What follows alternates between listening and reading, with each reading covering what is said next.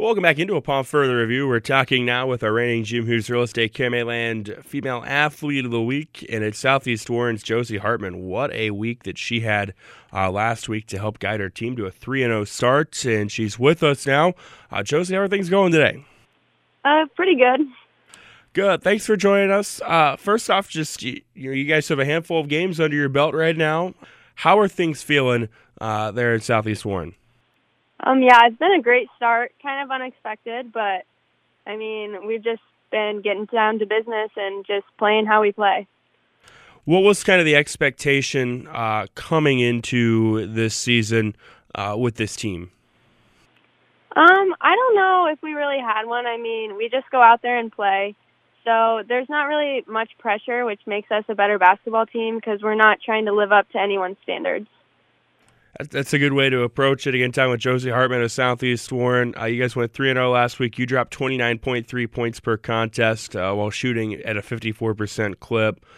Uh, what were you seeing offensively that, that opened up the, the floodgates for you last week? Um, just not being afraid to drive or stay back and shoot. And I mean, my teammates, they're so selfless and they'll pass to anyone who's open.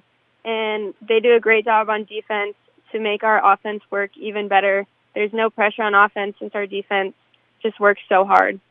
Yeah, and offensively, uh, as you mentioned, the defense kind of sets things up. But what are some things offensively that you guys try really hard uh, to focus on?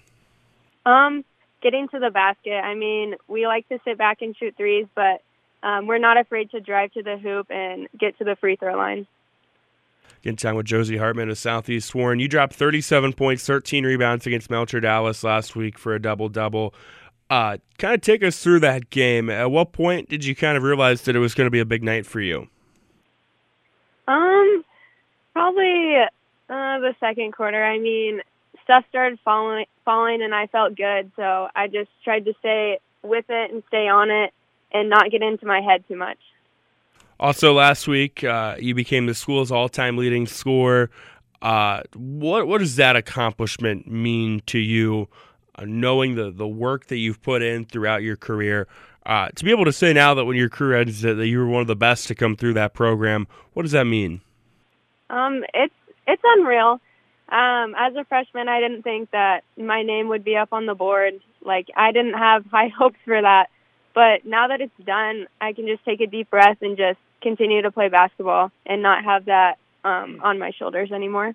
Yeah, as you were getting close to it, uh, and then eventually, you know, surpassing that, did you have any idea uh, how close you were? Um, yeah, my friends um, made a countdown in one of our school classrooms, so it was definitely in the back of my head. Yeah, what's that moment like uh, when you do break that record? Um, I was just really happy. I mean, um, to come this far, it, it's pretty unreal. You've had a fantastic season or a fantastic start to the season. Uh, it's a long season, though. When you look at your game and your team as well, what are some things going forward you guys are, kind of focusing on to get better at as the season progresses? Um, just continuing to focus on um, ball handling and not being afraid to take the ball at the other team um, along with just keeping our defense um, up there and um, pretty strong.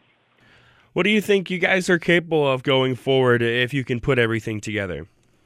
Um, I think we're capable of making a run. Um, we'll just have to stay disciplined and work on the little things. Um, but yeah. It's Josie Hartman of Southeast Warren, our Jim Hughes Real Estate KMA Land Female Athlete of the Week, the first one uh, for the winter sports season. Josie, thank you so much for the time today. Congratulations on a fantastic start to your season, and uh, best of luck going forward. Thank you. Have a great day.